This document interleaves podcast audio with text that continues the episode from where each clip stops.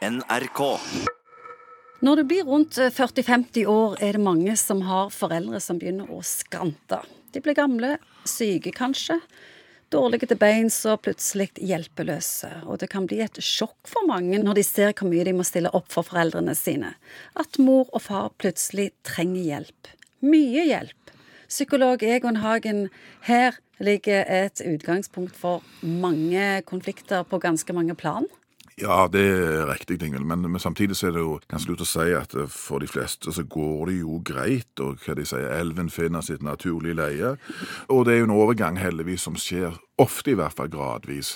Og, men folk har en utrolig evne synes jeg, mange ganger til å løse sånne utfordringer. Men så må vi selvfølgelig snakke om de tingene når, når det blir vanskelig. selvfølgelig. Når blir det vanskelig? Altså, det er jo sånn at Velferdsstaten hjelper oss jo litt grann her. Altså, Vi er i offentlig omsorg fra en begynner liksom i barnehagen til skole og hele veien gjennom hele livet. Og det er òg faktisk en offentlig lang arm som følger oss òg inn i alderdommen. Før var det jo sånn at uansett hvor transur og jævlig du hadde vært som far, så kunne ungene risikere at du lå der i benken liksom og kjefta og deg helt til du stupte en eller annen gang. Men nå er det sånn at det er en offentlig mulighet for at folk kan få omsorg der. Og det, det er en god ting.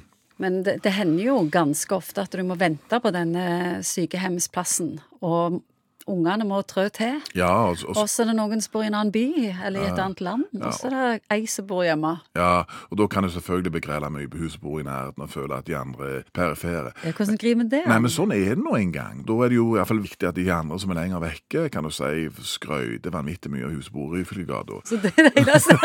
Nei, men, men det, det kan ikke bli likt alt i alt. Sånn er det bare. Det er ikke alt. Skrøyt skal til. Ja.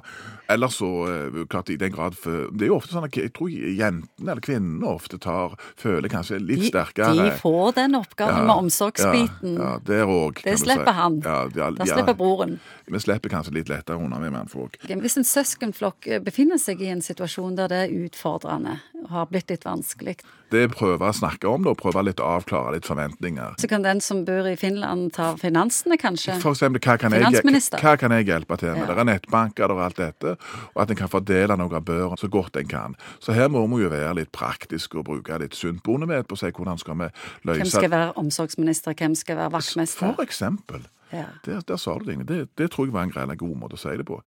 Men så har jeg lyst til å si det at eh, for mange så er det jo sånn at uh, dette ikke bare et 'å, jeg må liksom stille opp for mor eller far', eller jeg må liksom Mange ønsker jo innstendig å gi noe tilbake. Altså Du kan jo være velsigna heldig og hatt noen utrolig flotte foreldre som har brukt mesteparten av livet for å hjelpe deg på alle mulige måter. Og mange kan jo kjenne at dette er en glimrende anledning for å gi tilbake noe av denne kjærligheten og omsorgen som jeg har fått. Dette er ikke et ork. Jeg det er en mulighet. Det er en mulighet, og jeg liker å være sammen med mor eller far. Og den største gleden en kan ha. Det å gjøre andre glade.